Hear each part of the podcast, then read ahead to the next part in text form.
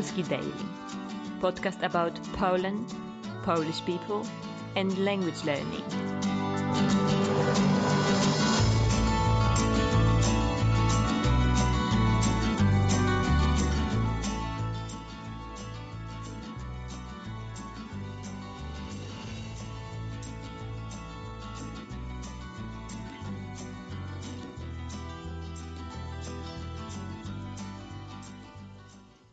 Cześć, mówi Paulina Lipiec z Polski Daily. Bardzo się cieszę, że znowu jesteś ze mną i słuchasz. Dzisiaj podcast w nowej formule, to znaczy będzie rozmowa z gościem. Moim gościem był Denis, czyli jeden z moich pierwszych studentów online i bardzo interesująca i ciepła osoba. Denis jest programistą, pochodzi z Ukrainy jest też autorem takiej bardzo fajnej aplikacji na telefon, darmowej aplikacji MobiCastle, która jest Twoim takim komórkowym przewodnikiem po zamkach. Dzięki niej możesz podróżować po Polsce, zwiedzać zamki, czytać o historii, a potem może zmienić kraj, ponieważ aplikacja ma też wersję mm, zamki Czech, zamki Niemiec, zamki Ukrainy. Jest bardzo, bardzo popularna i jedna z topowych aplikacji podróżniczych w Polsce.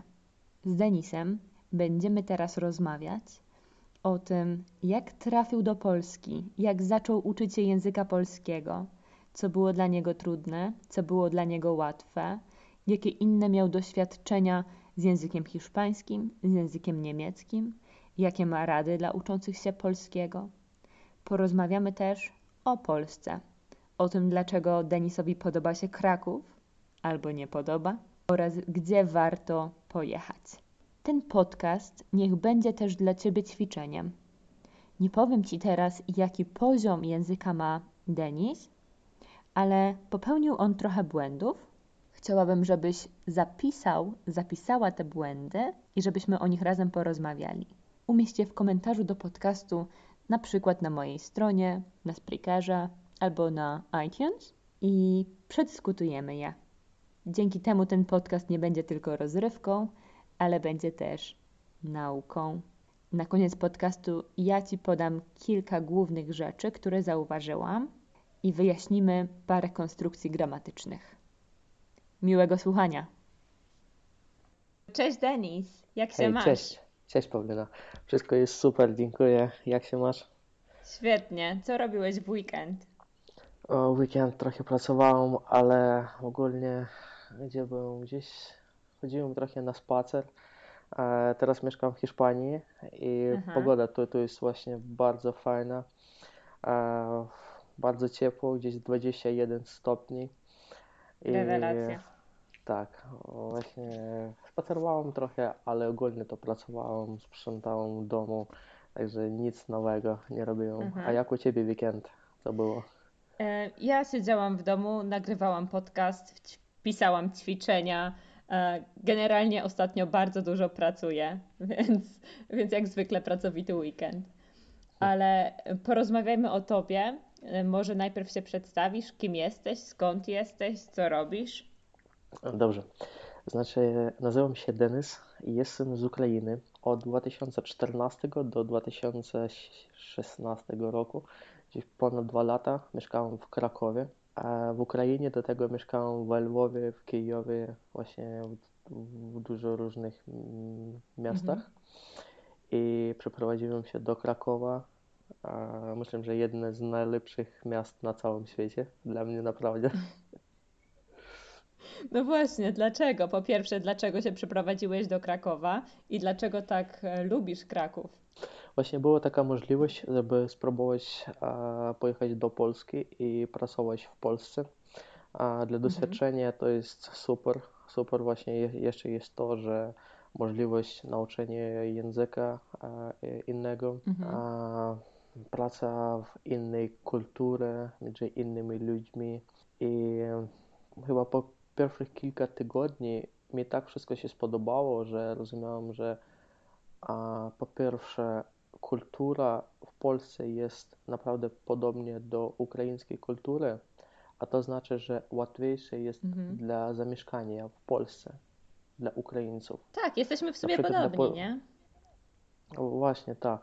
Jest bardzo lekko zrozumieć e, dla porozumienia takiego między ludźmi. Mhm. Nie ma takich jakichś. E, mm, Te różnice nie są takie duże między nami. Potrafimy się porozumieć. Właśnie, tak. Właśnie to, że różnicy nie ma i to mi bardzo się podobało. Bardzo spodobało się ludzi w Krakowie i w Polsce w ogóle, dlatego że z początku myślałem, że tak jak jestem obcokrajowcem, że mogę być jakiś problem, ale w ogóle nie, nic, żadnego problemu nie było i tak przypominam sobie tych dwa lata zamieszkania w Krakowie, w ogóle bezproblemnych dwa lata. Dwa bezproblemowe lata mieszkania w Krakowie. Tak, właśnie. Aha. Dwa bezproblemowych lata, tak. Zawsze jak rozmawialiśmy, to mówiłeś dużo, że Kraków jest taki super, że ludzie są super. Co takiego było jeszcze najfajniejszego? Czy to byli ludzie właśnie, czy samo miasto Ci się spodobało? Bardzo spodobało wszystko i miasto, i ludzi, i taka infrastruktura miast, miasta, co gdzie było. Mhm. Bardzo się podobało, że dużo ludzi używają rowerzy dla dojeżdżania rano do pracy do biur, wracanie do Jasne. domu. Aha, ty też jeździłeś rowerem do pracy, nie? Pamiętam, że kiedyś mi opowiadałeś, jak daleko miałeś do pracy. Tak, właśnie wtedy, kiedy miałem bardzo daleko do pracy, dlatego że pracowałem za Krakowem, to jest za Bieżów, to niestety nie było możliwości dojeżdżania rowerem, e, dlatego że e, możliwość dojazdu była tylko przez autostradę mhm. i właśnie to jest zakaz dla rowerów ale potem, kiedy zmieniłem pracę i już pracowałem w centrum Krakowie, to oczywiście każdy dzień e, używałem, używałem tylko rowera lub deskorolki elektrycznej. E. W Krakowie mieszkałem na Ruczaju. Myślę, że ten, kto jest z Krakowa wie o co chodzi to jest e, część Krakowa. Sypialnia Krakowa. tak, to jest część Krakowa. Nie wiem dlaczego, ale Polacy pamiętam, pamiętam mówili, że to jest beton. Taka, beton? Tak, że tam jest dużo betonu. Aha, no tak, tak się mówi, że to jest takie osiedle, gdzie, gdzie wszyscy tylko idą spać, bo to jest dosyć nowe osiedle i tam nic się kulturalnego nie dzieje. A jak chcesz pójść spotkać się ze znajomymi, to raczej musisz dojechać do centrum, nie? A, tak, ale ogólnie tam nie było tak dużo betonu, jak z początku mówili, dlatego że pod bokiem był duży las, nawet myślę, że dwa mhm. lasa. I kiedy chcieliśmy gdzieś pójść na jakiś spacer, to zawsze było miejsce, gdzie nie ma żadnych budynków i gdzie jest możliwość mhm. pójść gdzieś między drzewami na taki spacer na przyrodę, więc Fajnie. A ty i twoja żona lubicie przyrodę, nie? Często jeździcie w tak. różne miejsca. Tak, tak. Właśnie w Polsce jeździliśmy w różne miejsca, ale takie najciekawsze miejsce to chyba bardzo polecam Żywiec do odwiedzania. E, Żywiec to jest gdzieś 80 km od Krakowa na południowy zachód mhm. i tam jest dużo jezior, bardzo przepiękne jeziora, góry, i taka przyroda. Ja myślę, że to jeszcze w Polsce jest woda dla picia, nazywa się żywiec. Bardzo A tak, popularna. woda mineralna żywiec, tak. faktycznie. Mhm. Tak. Jest też piwo, nie?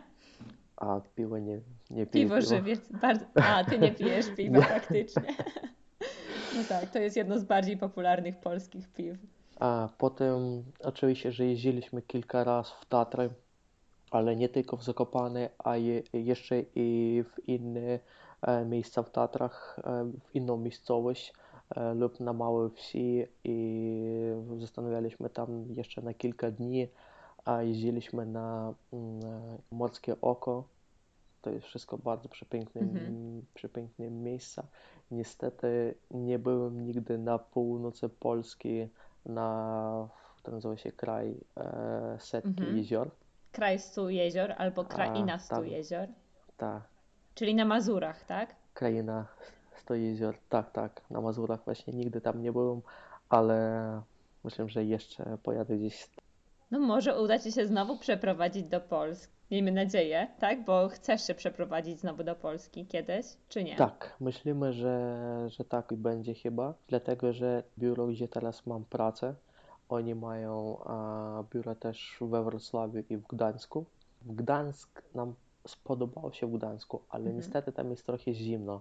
I teraz po dwóch latach zamieszkania w, w kraju, e, gdzie cały czas wiatr, to chcemy już trochę spędzić czas tam, gdzie naprawdę nie ma wiatru. Rozumiem, jasne, jasne.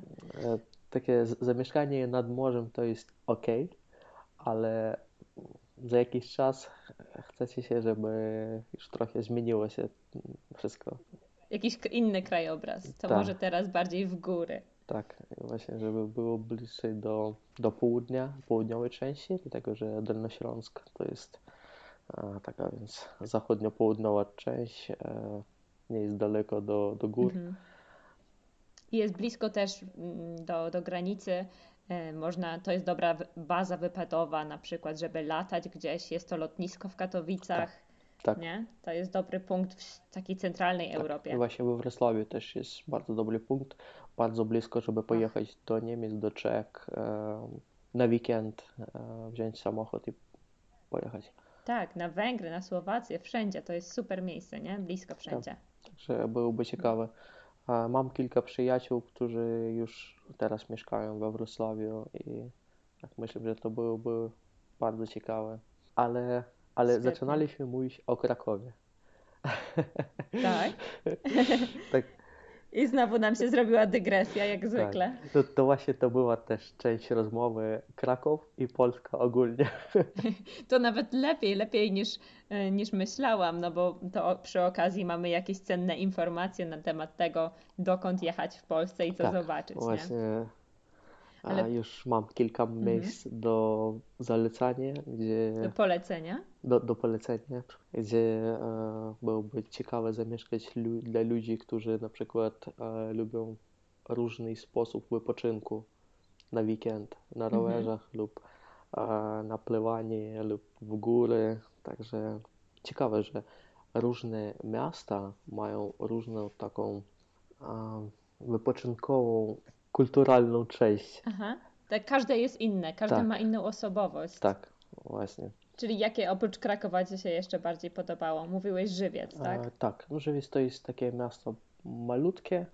A pojechać na weekend jest ok, ale dla takie, takiego zamieszkania na każdy dzień ja myślę, że za tydzień tam można się znudzić. No, pewnie tak, pewnie no tak. tak. Chyba, że ktoś szuka ucieczki od cywilizacji i właśnie potrzebuje takiego, takiego miejsca z daleka od wszystkiego. No, chyba tak. A opowiedz mi jeszcze, jak to wyglądało z Twoim językiem polskim. Dostałeś tą możliwość przyjazdu do Polski i co? Mówiłeś już wtedy po polsku? Masz polską rodzinę? Tak, właśnie zacznę od tego, że mam polską rodzinę, e, że babcia kiedyś, e, babcia jest częściowo Polką. Jeszcze kiedy byłem dzieckiem, trochę rozmawiałam po polsku, dlatego że dużo ludzi przyjeżdżali w to miasto, w Tylnopolskiej, e, województwo tylnopolskie w Ukrainie, to jest miasto Czotków. Pamiętam, że dużo Polaków przyjeżdżali mhm. często, także rozumiałam trochę polski język. Czasem mówiłem po polsku, coś mi babcia opowiadała po polsku, a naprawdę w dialekcie tej części Ukrainy ludzie często używają polskie słowa, ale kiedy zmieniliśmy miejsce zamieszkania i przyjechaliśmy do Krakowa, to naprawdę trzeba było wszystko uczyć od nowa. A gdzieś mhm. za kilka tygodni do tego, myślę, że do, za 2-3 tygodnie, też odwiedziliśmy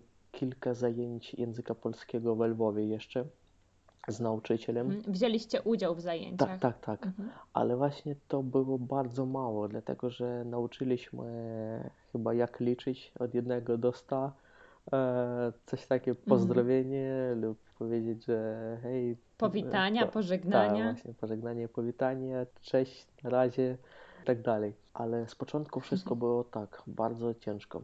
Przyjechaliśmy do Krakowa, postanowiłem sobie od pierwszego dnia, że trzeba nauczyć się języka, bo dlatego, że rozumiem, że to jest inny kraj i w innym kraju trzeba rozmawiać w języku tego mhm. kraju. Także... Mhm. Żeby się zaadoptować, żeby się poczuć tak, dobrze, nie? Tak, właśnie, właśnie wtedy i ludzi, z, z ludźmi jest łatwiejsze po, porozumieć się w jakichś sytuacjach takich. Tak, z początku chyba pierwszych 2-3 tygodnia to trochę używałem i języka angielskiego, Co było dobrze, że wszędzie ludzie rozmawiali po angielsku.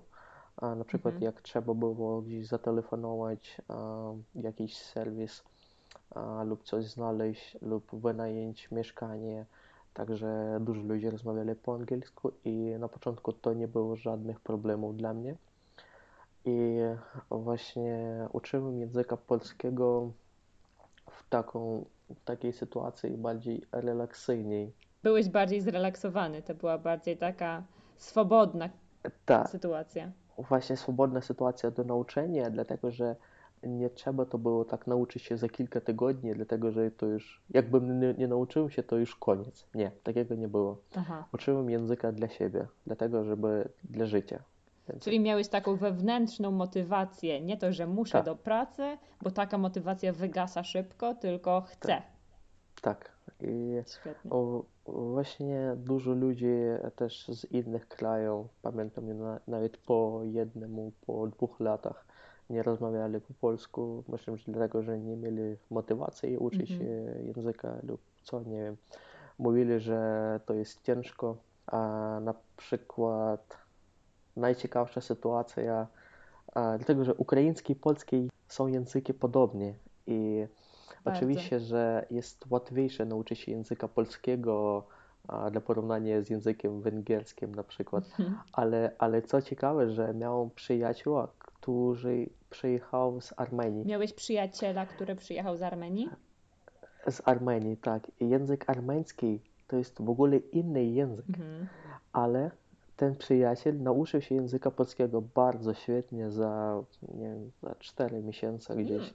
I tak, też, też on miał taką motywację, żeby nauczyć się języka. Tak, tak. Ale e, widzisz, to wszystko, mm, to wszystko nam doprowadza do wniosku, że jeżeli chcesz, to, to możesz. Że, że nic cię nie zmusi, ani żona, ani praca, ani nawet przeprowadzka do tego kraju, jeżeli nie masz tej dobrej woli. Oczywiście, że dlatego, żeby nauczyć się języka obcego, trzeba uczyć się i trzeba, żeby Mhm. było marzenie do nauczenia języka.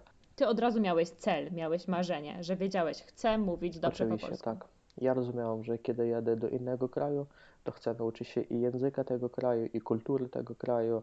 I tak jak mi bardzo Mhm. wszystko się spodobało, dla mnie nauczenie języka to było naprawdę bardzo dobrze. I pamiętam, że na początku najbardziej problem to był znaleźć, gdzie nauczyć się języka polskiego. Co zrobiłeś? Gdzie szukałeś szkoły, nauczyciela? Naprawdę to było bardzo ciężko i uczyłem języka polskiego tak, z rozmawianiem gdzieś z, w pracy lub z ludźmi. O, Miałem jeszcze kilka takich e, w, w telefonie komórkowym przetłumaczenie słów. Aha, a ustawiłeś sobie Facebooka, ustawiłeś sobie Google na język polski? Nie, nie, zawsze cały czas mam tylko w języku angielskim. Wszystko, tak. No niektórzy mówią, że od razu trzeba się, wiesz, otaczać językiem, wszystko musi być po, w nowym języku. Ja właśnie kiedyś próbowałem takie zrobić. To jest bardzo fajna metoda, ale zrozumiałem, że tak jak to jest, są rzeczy techniczne i jestem inżynierem, to dla mnie mi, mi bardziej, bardziej to pasuje, żeby wszystko było po angielsku.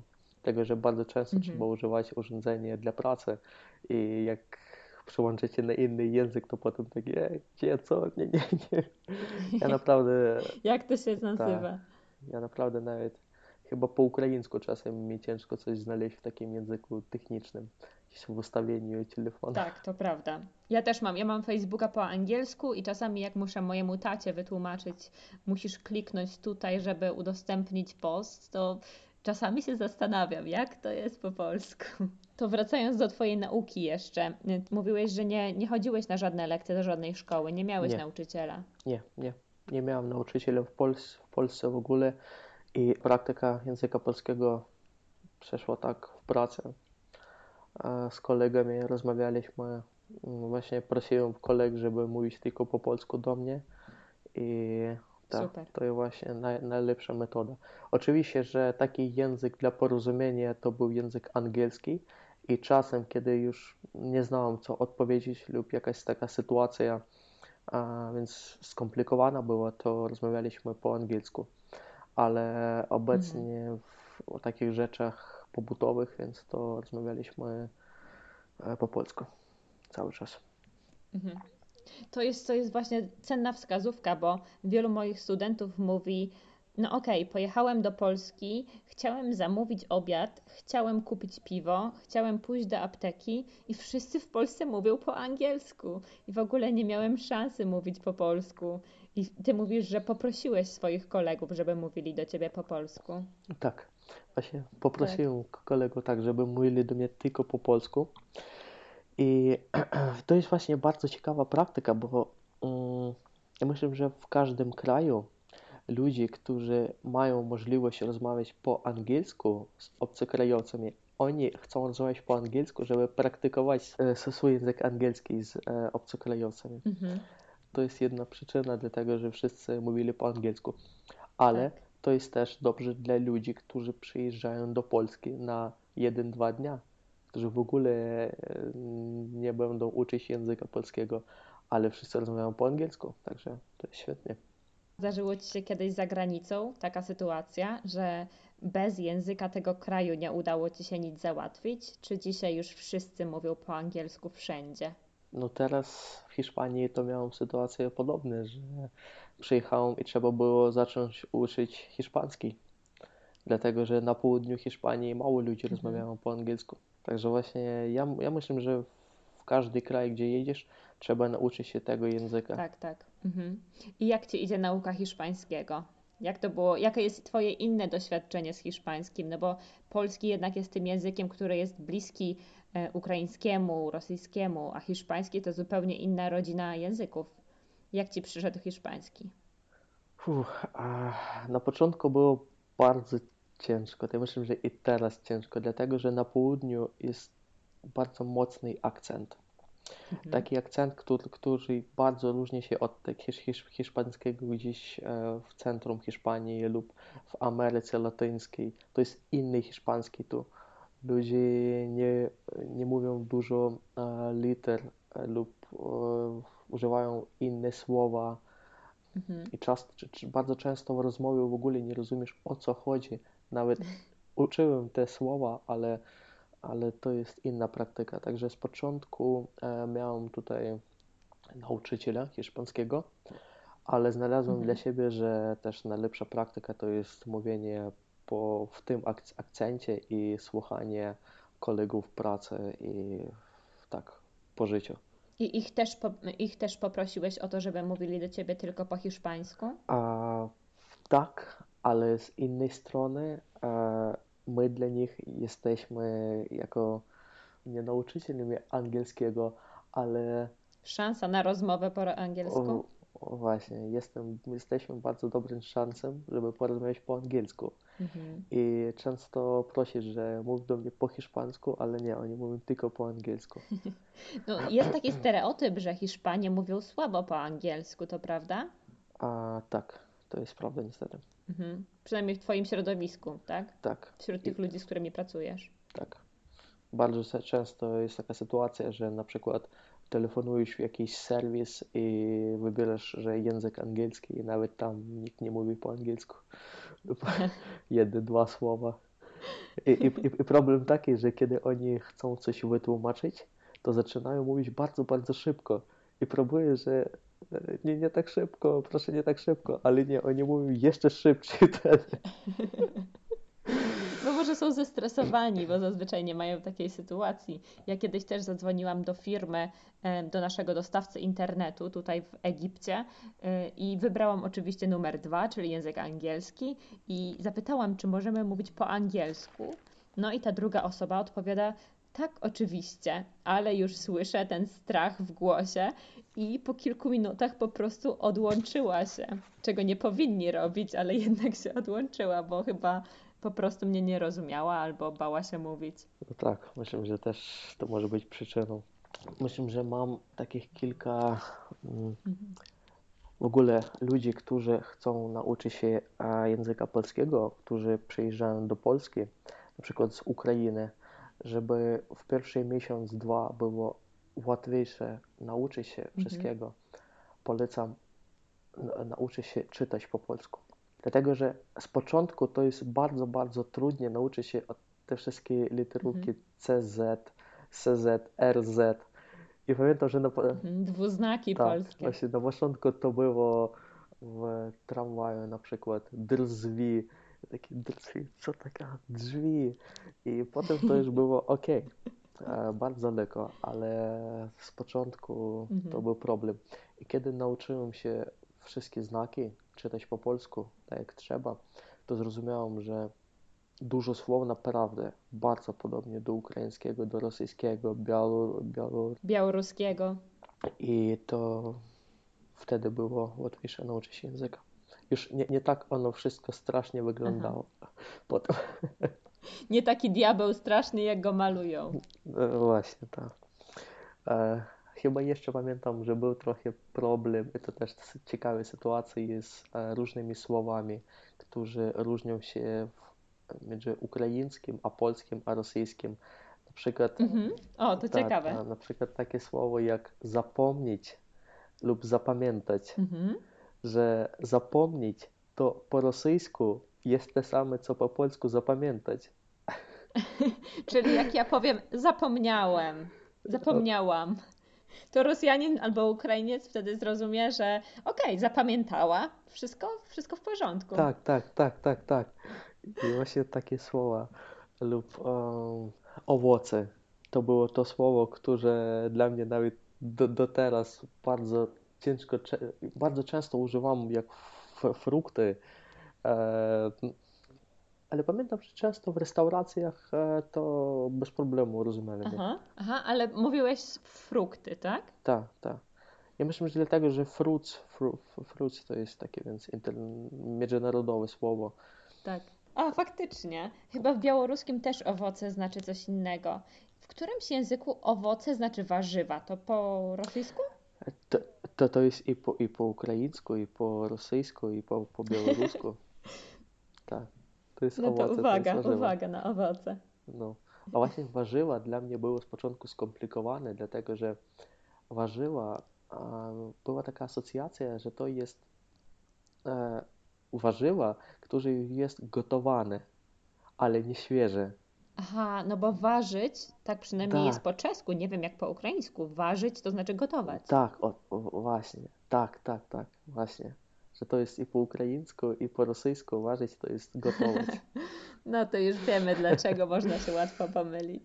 A co było dla ciebie najtrudniejsze w języku polskim? Z czym do tej pory masz problem? Tak, to jest gramatyka, czy to jest akcent, czy wymowa? Mm, Ja myślę, że problem z wymową jest wtedy, kiedy znika problem z wymową, kiedy używasz języka często. I to trzeba Mhm. praktykować tylko każdy dzień, każdy dzień. Myślę, że za kilka lat już zniknie akcent w ogóle. Ale z gramatyką i myślę, że nawet podczas naszej rozmowy teraz robię dużo błędów w końcówkach słów, e, gdzie na przykład e, trzeba używać końcówka of, ów właśnie lub um, koledzy lub kolegów, kolegi i tak, tu Tak. jest, tu, tu, tu jest problem. Czyli przypadki. Przypadki. Przypadki, Mhm. tak właśnie. I tu też jest problem taki, że między ukraińskim, rosyjskim, białoruskim i a polskim a, ono brzmi podobnie, ale końcówki są inne. I na przykład dla obcokrajowca z Niemiec na przykład nie ma problemu nauczyć się tych końcówek, ale dla nas, którzy Mhm. przyzwyczaili się za całe życie używać innej końcówki, teraz jest problem, żeby przełączyć się. Na zupełnie nowe. Tak, tak. Ach, to prawda. Myślę, że ja też zauważyłam ten problem, bo na przykład, e, jak wiesz, e, jak mówię po hiszpańsku, to, to mówię naturalnie i wydaje mi się, że mówię dobrze gramatycznie, a kiedy mówię po czesku, to ciągle na przykład używam narzędnika, kiedy Czesi używają go dużo mniej niż Polacy. I mam taką głupią manierę i nie mogę tego w ogóle wykrzewić.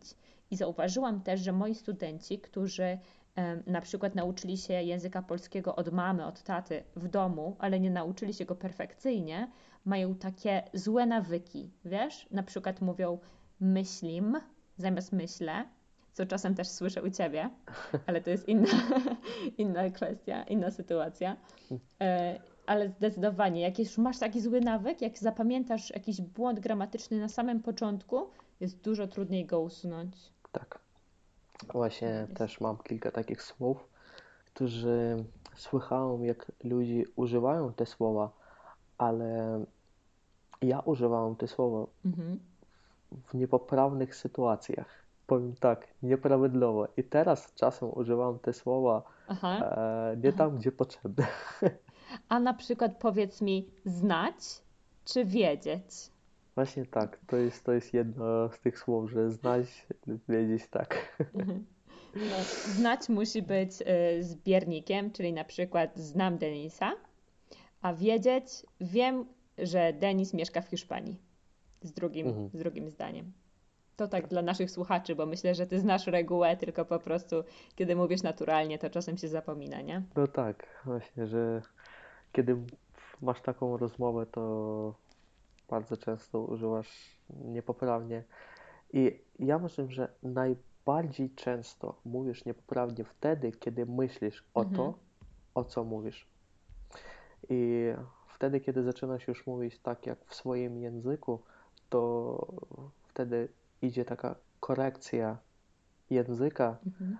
kiedy znikają błędy i Po prostu język płynie, nie? Już wtedy nie myślisz, tylko mówisz, skupiasz się na treści i nie skupiasz się na gramatycznych błędach, bo myślę, że jak myślimy za dużo o naszych błędach, to potem nas to stopuje. Ten aparat, taki monitor, który sobie włączamy, żeby nam sprawdzał błędy, naprawdę może nam stworzyć barierę. to nazywa się ten barier językowy. I często ludzie Mhm. uczą język w ciągu jednego, dwóch lat i znają dużo słów, naprawdę dużo słów, ale nie mogą mówić po, w tym języku, dlatego że boją się robić błędy. I też e, i teraz mam Mhm. tu, znam tutaj takich ludzi i znam w Polsce takich ludzi, którzy nauczyły się już języka, ale bardzo boję się mówić, żeby nie było błędów, żeby to nie brzmiało mm, głupie lub, lub jeszcze coś. I Mhm. ja mm, starałem się powiedzieć tym ludziom, że to nie brzmi głupie, dlatego że jesteś obcokrajowcem i ludzie Jasne. E, będą wspierać Ci i pomagać Ci mówić prawidłowo. I oni są, ta, oni są Dokładnie. bardzo szczęśliwi słychać, że ktoś inny mówi w języku, że ktoś stara się nauczyć się języka. I tak, to jest bardzo, bardzo ważliwe, żeby nie było tego bariery językowego. Mhm. Mm. A co myślisz o tym, że niektórzy ludzie chcą koniecznie pozbyć się swojego akcentu? Tak, na przykład Polacy, którzy jadą do Wielkiej Brytanii, koniecznie chcą przestać brzmieć jak Polacy, a Ukraińcy, którzy chcą przyjechać do Polski, nie chcą mieć wschodniego ukraińskiego akcentu. Jaka jest Twoja opinia na ten temat? Ja myślę, że żeby pozbyć się akcentu, to jest, to jest pomysł bardzo ciekawy i bardzo dobry, ale to jest możliwe wtedy, Hmm. kiedy już nauczyłem się, nauczył się mówić w tym języku perfekcyjnie, w ogóle perfekcyjnie i kiedy już zaczynasz nie tylko mówić, ale i myśleć i w domu rozmawiać w tym języku, a, ale wtedy zapominasz swój język i myślę, że wtedy, wtedy już i znika akcent i zaczynasz, zaczynasz mówić tak jak ludzie e, dookoła ciebie. I wtedy już masz obcy akcent w swoim własnym języku. Tak, tak Możliwe, właśnie. tak się dzieje czasem. Tak, znam też takich ludzi, którzy zmienili jeszcze kraj 10-15 lat temu i teraz, kiedy rozmawiasz w ich języku, o, o ojcowym języku, Ojczystym? to właśnie oni mówią o ojczystym. tak, to oni mówią bardzo tak ciekawe, jak obcokrajowcy, ale mówią, mówią tak w swoim języku. Na przykład teraz ja pracuję z e, jednym e, chłopakiem, który jest z Ukrainy, ale już mieszka w Hiszpanii ponad 15 Mhm. lat. I on jeszcze mówi po rosyjsku troszeczkę, po ukraińsku w ogóle nic nie rozumie. Wow.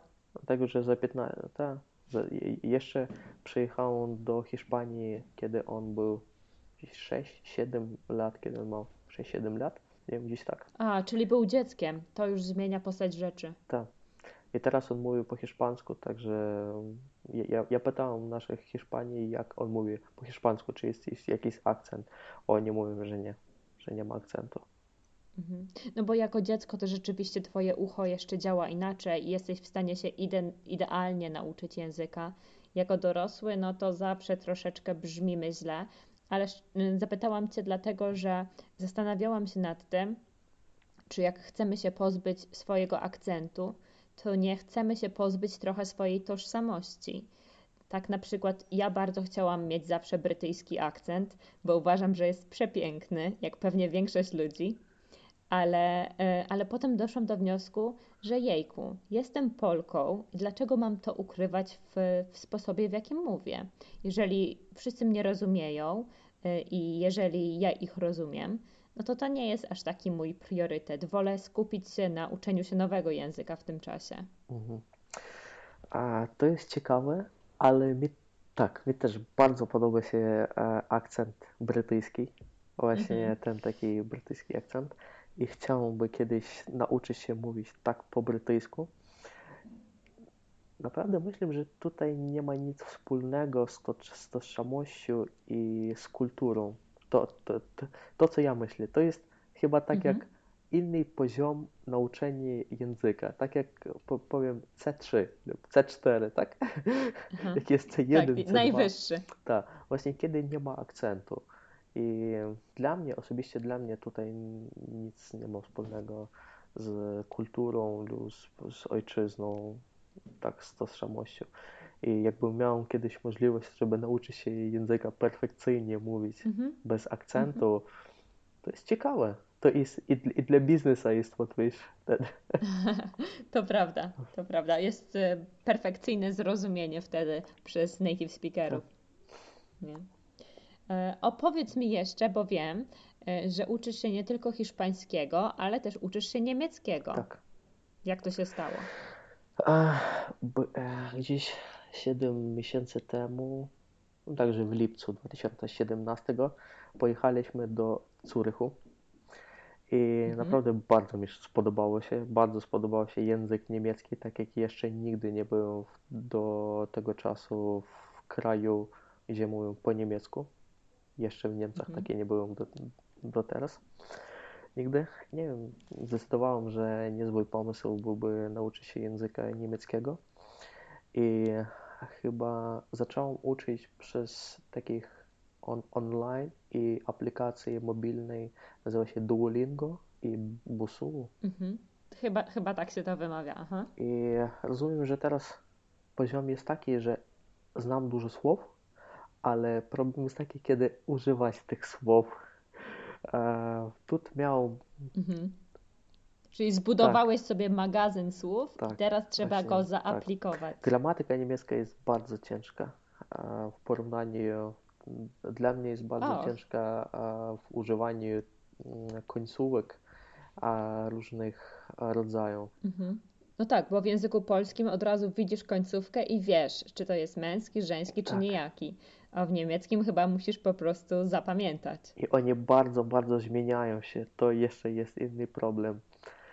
I często tak zmieniają się, że zamieniają jeden inny. I potem na przykład końcówka słowa, jakiegoś słowa w rodzaju żeńskim może być taka jak końcówka w rodzaju męskim.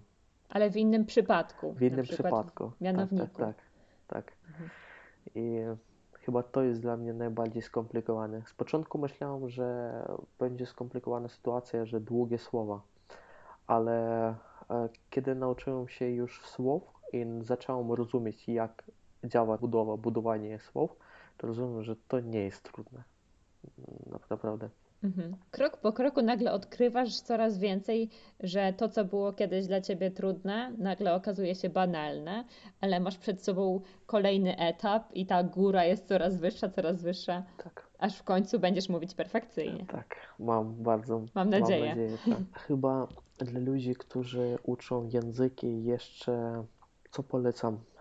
Polecam przeglądanie różnych filmików w języku, tamtym języku. Pamiętam, że trzy tygodnie, za dwa tygodnie lub za tydzień do tego, jak przyjechaliśmy z Lwowa do Krakowa, to zaczęli oglądać ten filmik. Jak on nazywał się? To jest jakiś kanał na YouTubie? Sprawy kiepskich lub... Coś z kiepskimi, Coś... ale nie pamiętam.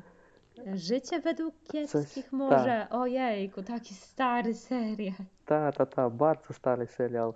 I właśnie to była taka najpierwsza praktyka do nauczenia języka, żeby słuchać, jak brzmi to język w życiu. Aha. No Dlatego, tak. że ta, ta, ta, tam byli ludzie e, i młode, i starsi ludzie, także no tam, to był dosyć taki ekspresyjny um, serial. Oni tam dużo krzyczeli, dużo, tak. dużo mówili, dużo kłócili się. Tak, tak, tak. No, osłuchiwanie się z językiem, to jest dobre. A powiedz mi, czy stawiasz sobie cel, kiedy uczysz się nowego języka? To znaczy, czy na przykład jak zacząłeś z niemieckim, to masz taki konkretny cel, na przykład za 6 miesięcy będę mieć poziom A2 i dojdę do tego celu w taki i w taki sposób, tak regularnie. Tak, tak. A właśnie na busu tam jest możliwość, żeby spróbować e, złożyć taki mały egzamin, zdać egzamin na certyfikację. -hmm. I to jest certyfikacja McHill, nie pamiętam jak, jak, jak też nazywa się. Także mm, tak e, spróbuję za kilka miesięcy, chyba za 6 miesięcy zdać ten egzamin na poziom A2 właśnie, na mhm. A2. Czyli to Cię motywuje. Jak masz cel, to wiesz, do tak. czego dążysz, nie? Tak. I jak się uczysz teraz? E, uczysz się codziennie? Uczysz się raz w tygodniu? A, co, codziennie. Codziennie, każdy ranek lub gdzieś w dzień. A, co mi podoba się w tych serwisach a, Duolingo, że tam potrzebne każdy dzień a, coś hmm. zrobić w tym serwisie, jakieś słowa powtórzyć lub jeszcze coś, żeby e, otrzymać jakąś ilość tych, tych balów żeby dostać ileś tam punktów i nie stracić ich. Tak, tak, tak, tak, właśnie, żeby nie stracić. Nie przerwać ciągłości. Właśnie. I ja już teraz mam 178 dni. tak. I... O, to już pół roku się uczysz bez przerwy. Tak, tak. Właśnie pół roku bez przerwy. I no, minimalnie spędzam gdzieś po 20 minut, 20-30 minut.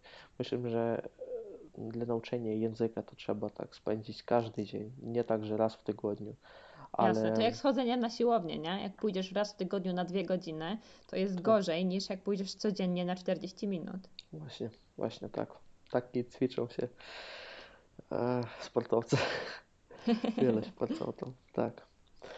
A, I co jeszcze bardzo pomaga do nauczenia języka, to co teraz używam, to jest właśnie podcasty i naprawdę polecam podcasty w różnych językach, po angielsku i po niemiecku, po polsku. Mhm. Cały dzień, nawet jak siedzę teraz w pracy i coś robię, to słucham różne podcasty. Nawet nie jest dla mnie to jest bardzo ważne, o co tam mówią ludzie, o co chodzi, mhm. jaki to jest temat. Ale ważne, żeby było, żeby cały czas idzie słuchanie w języku, w tym języku. Mhm.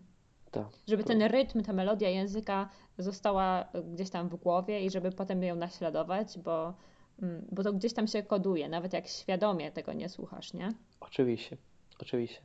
I właśnie od takie nagranie, jak teraz robimy dla innych ludzi, którzy będą słychać, co jest dobrze, że cały czas będziesz, e, oni będą słychali inny głosa żeby mhm. nie idzie przyz, przyzwyczajenie do jednego głosa, ale czasem mhm. Że jest ta zmiana. Ta, ta, ta. Że jest ta, ta, ta zmiana i to jest właśnie bardzo dobrze, kiedy mówią dwa, trzy, trzy człowieka w, w nagraniu. Aha, kiedy dwoje, troje ludzi rozmawia tak. ze sobą. Tak. Mhm. Jest... Tak, ja też tak lubię, chociaż y, y, nagrywam większość podcastów sama, Y, to jednak y, też planujemy z moją koleżanką Patrycją robić właśnie drugi podcast, taki od, z, z naszej strony na Facebooku 1000 Reasons to Learn Polish, żeby, żeby właśnie była ta rozmowa, ten element dyskusji, mhm. kiedy to jest takie bardziej spontaniczne, kiedy słuchacze mogą, mogą wysłuchać takiego bardzo naturalnego y, mówienia. Mhm. Myślę, no, że to jest dobre. Tu, tu bardzo zależy od poziomu, dlatego że jak na przykład człowiek jeszcze ma poziom średni, to dla niego będzie ciężko zrozumieć mhm. dwóch lub trzy osób i wtedy jest e, najlepsze jest nagranie jeden, jeden głos, kiedy słyszysz cały czas jednego człowieka, to jest perfekcyjnie. Ale kiedy już masz poziom więc zaawansowany, mhm. a na przykład jak C1, to oczywiście, że to jest bardzo, bardzo łatwe i chcesz, chce, chce, chcesz się nauczyć się czegoś, słychać czegoś bardziej skomplikowanego. Jakieś no, dokładnie. Tak. Mhm. Ja dzisiaj właśnie szukałam sobie takich podcastów z hiszpańskiego, no i muszę przyznać, że większość podcastów, które znalazłam, są na poziomie średnio zaawansowanym, co jest zresztą przeciwnie do języka polskiego, bo tutaj e, albo słuchasz takich normalnych polskich nagrań, które nie są dla uczących się, albo są właśnie na poziomie e, średnim, ale jest ich bardzo, bardzo mało. I niestety z hiszpańskiego wszystkie są dla mnie za łatwe albo za wolne e, i nie znalazłam nic. Nie znalazłam nic, niestety. Ja pamiętam, że przed, przed, mm, kiedy przyjechałam do Hiszpanii, to słuchałem, to było hiszpańskie radio jakieś, że często przychodzili inni ludzie na te radio i oni rozmawiali po, po hiszpańsku na i różny temat. Ale co ciekawe, że kilka dni temu zdecydowałem też posłuchać te same nagranie i na początku było dla mnie bardzo ciężko, dlatego że nie rozumiałem nic.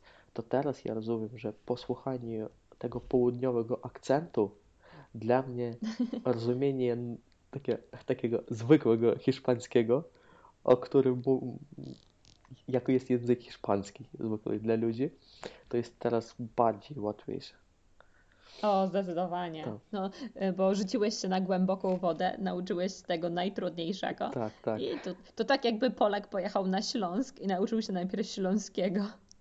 A potem słuchał takiej, wiesz, prezenterki z radia z Warszawy.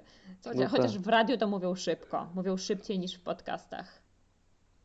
Ja kiedy pojechałem pierwszy raz do Madrytu, to też sytuacja była ciekawa, dlatego że coś e, poszedłem w jakąś restaurację i e, nie pamiętam, coś się zaczęło mówić do ludzi i oni mi odpowiadali bardzo tak czysto po, po hiszpańsku, że ja rozumiałem mhm. każde słowo. I ja zdecydowałem, że oni do mnie mówią jak do obcokrajowca, ale potem jeszcze mówiłem jeszcze do jednego człowieka, gdzieś tak na ulicy i zrozumiałem, że nie, oni tak mówią, to jest, to jest normalny Normalny hiszpański. hiszpański. To jest właśnie ten język, jaki ja rozumiem dobrze. Aha, jasne. No to no tak. fantastycznie. To teraz już nie będziesz miał problemu z hiszpańskim. I mam nadzieję, że niemiecki też ci tak dobrze przyjdzie. Tak, no tutaj potrzebna praktyka. Trzeba chyba słuchać jakieś nagranie, jakieś podcasty. Znalazłem jakie różne podcasty po niemiecku też. Nie pamiętam nazwy, ale, ale są w internecie też. Jasne. Wszystko y- teraz można znaleźć w internecie. Tak, mnie tak. też można znaleźć w internecie. Staram się być wszędzie, żeby było mnie łatwo znaleźć. Tak. Chcę Ci powiedzieć, że robisz bardzo dobrą rzecz e, z takimi e, nagraniami, lekcjami i właśnie pamiętam, że kilka lat temu to było ciężko znaleźć coś takiego i ludzie chcą nauczyć się języka, a nie było żadnej możliwości. I właśnie bardzo dziękuję, że są takie ludzie jak ty, którzy Jej. robią, którzy po, po, pomagają e, nauczeniu języka dla innych ludzi. Ja też się cieszę, strasznie to lubię. I, I cieszę się też, że Cię poznałam, bo jeszcze nie powiedzieliśmy, że poznaliśmy się przez iTalki, gdzie też można mnie znaleźć i zamówić lekcję ze mną. Tak. W takim razie dziękuję Denis za, za rozmowę. E, bardzo się cieszę, że miałam tę możliwość, żeby z Tobą porozmawiać i to jest moje pierwsze nagranie z gościem. Więc mam nadzieję, że wszystkim słuchaczom się podobało i życzymy Denisowi powodzenia w nauce języków i żeby po tym niemieckim jeszcze przyszedł kolejny i kolejny, aż będziesz super poliglotą. bardzo Ci dziękuję. Tak, to było bardzo świetnie porozmawiać z Tobą na różne tematy. Życzę Ci powodzenia też w rozwoju kursu i żeby wszystko poszło tak jak trzeba. Super. Dzięki wielkie. Do usłyszenia.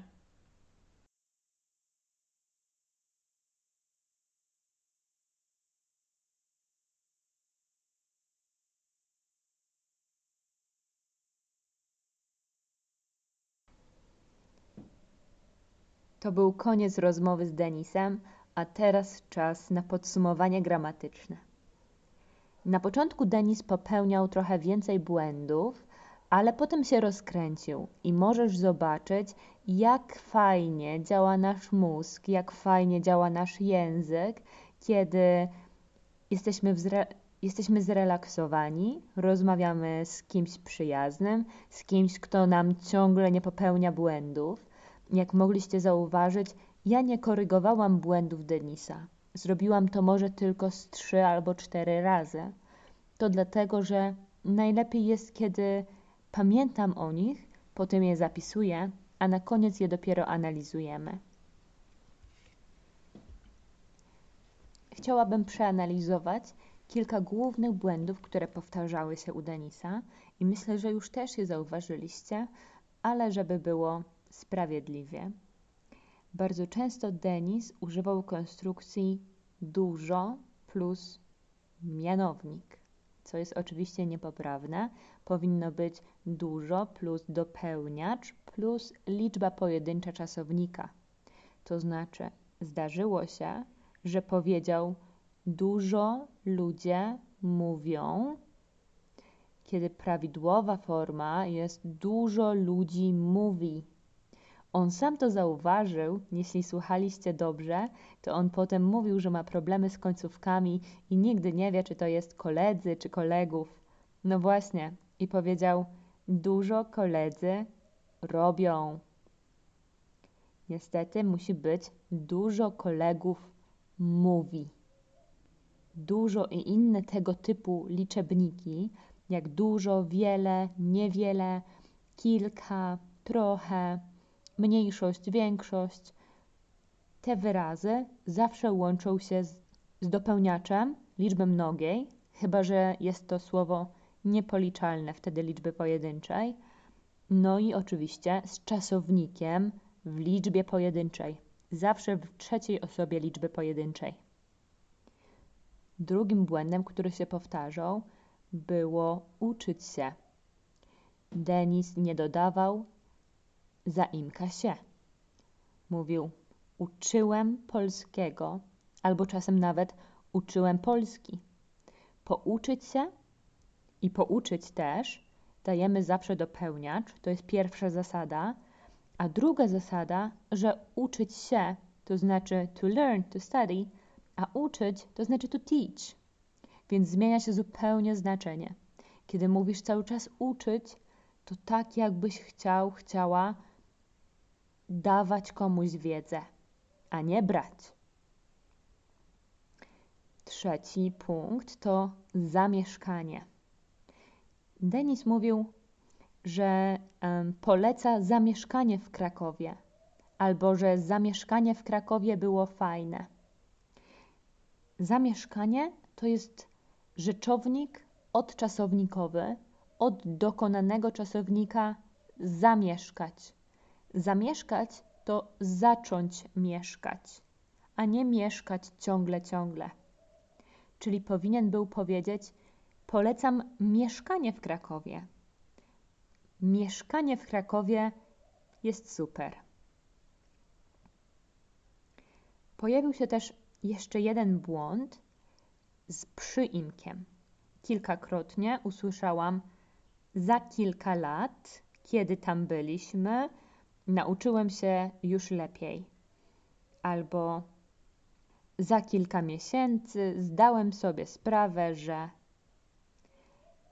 za sugeruje, że mówimy o przyszłości, o czymś, co jeszcze się nie wydarzyło. W takiej sytuacji powinien był powiedzieć: Przez kilka lat nauczyłem się dobrze polskiego, albo po kilku latach nauczyłem się dobrze polskiego. Za przyszłość. Oczywiście pojawiły się tam inne drobne błędy, ale nie o to chodzi. Najważniejsze, że zrozumieliśmy się i myślę, że ćwiczenie rozumienia osoby, która mówi po polsku nie jak native, ale jak osoba, dla której jest to drugi albo trzeci język, jest również bardzo cenną umiejętnością. Mam nadzieję, że podoba, mam nadzieję, że podobało Ci się to nagranie. Jeśli tak, zostaw gwiazdkę albo palec w górę, bo pomaga to znaleźć innym moje podcasty. Do usłyszenia! Lucky Land slots, you can get lucky just about anywhere. Dearly beloved, we are gathered here today to. Has anyone seen the bride and groom? Sorry, sorry, we're here. We were getting lucky in the limo and we lost track of time. No, Lucky Land Casino, with cash prizes that add up quicker than a guest registry. In that case, I pronounce you lucky. Play for free at LuckyLandSlots.com. Daily bonuses are waiting. No purchase necessary. Void where prohibited by law. 18 plus. Terms and conditions apply. See website for details.